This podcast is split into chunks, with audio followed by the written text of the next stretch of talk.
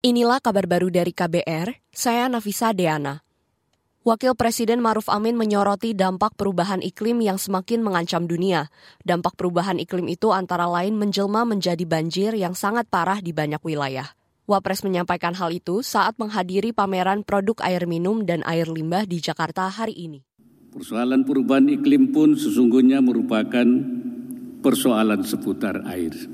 Dampak perubahan iklim menjelma dalam bentuk banjir yang semakin parah, meningkatnya permukaan air laut, mencairnya es, kekeringan, dan kebakaran hutan.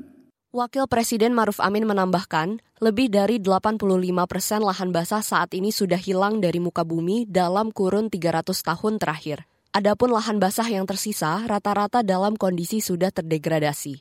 Padahal, air merupakan kebutuhan dasar yang mutlak dipenuhi demi kelangsungan hidup. Untuk itu, Wapres mengajak masyarakat mengelola air secara berkelanjutan. Kita ke informasi hukum, saudara. Mario Dandi didakwa melakukan penganiayaan berat berencana terhadap D, remaja berusia 17 tahun. Jaksa menyebut Mario melakukan penganiayaan bersama Shane Lucas dan anak AG. Dakwaan itu disampaikan jaksa penuntut umum saat sidang perdana di Pengadilan Negeri Jakarta Selatan hari ini. Jaksa menyebut penganiayaan bermula saat Mario bertemu bekas kekasihnya, APA, di daerah Kemang, Jakarta Selatan. Dari pertemuan itu, APA memberi informasi mengenai hubungan D dan AG yang membuat Mario emosi. Jaksa menyatakan Mario diduga melanggar Undang-Undang Perlindungan Anak dan pasal penganiayaan di KUHP.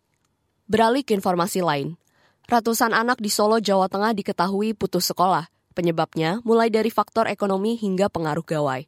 Informasi selengkapnya disampaikan Yuda Satriawan langsung dari Solo. Pemerintah Kota Solo masih menemukan adanya anak-anak usia sekolah yang ternyata mengalami putus sekolah.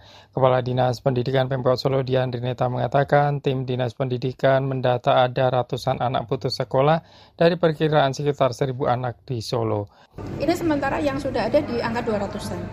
Ya, yang harus kita segera follow up ya.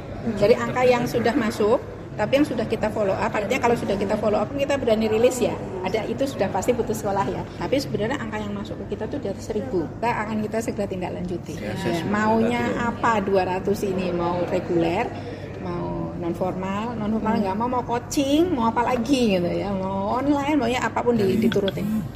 Lebih lanjut, Dian menjelaskan anak-anak putus sekolah di Solo itu berusia 7 hingga 18 tahun atau usia setingkat SD, SMP maupun SMA. Penyebab anak putus sekolah kemudian karena faktor ekonomi keluarga, perceraian orang tua hingga pengaruh gawai. Pemkot Solo memberikan prioritas bagi mereka yang putus sekolah untuk kembali mengenyam pendidikan di berbagai sekolah negeri mulai dari tingkat SD, SMP hingga SMA sesuai program wajib belajar 12 tahun.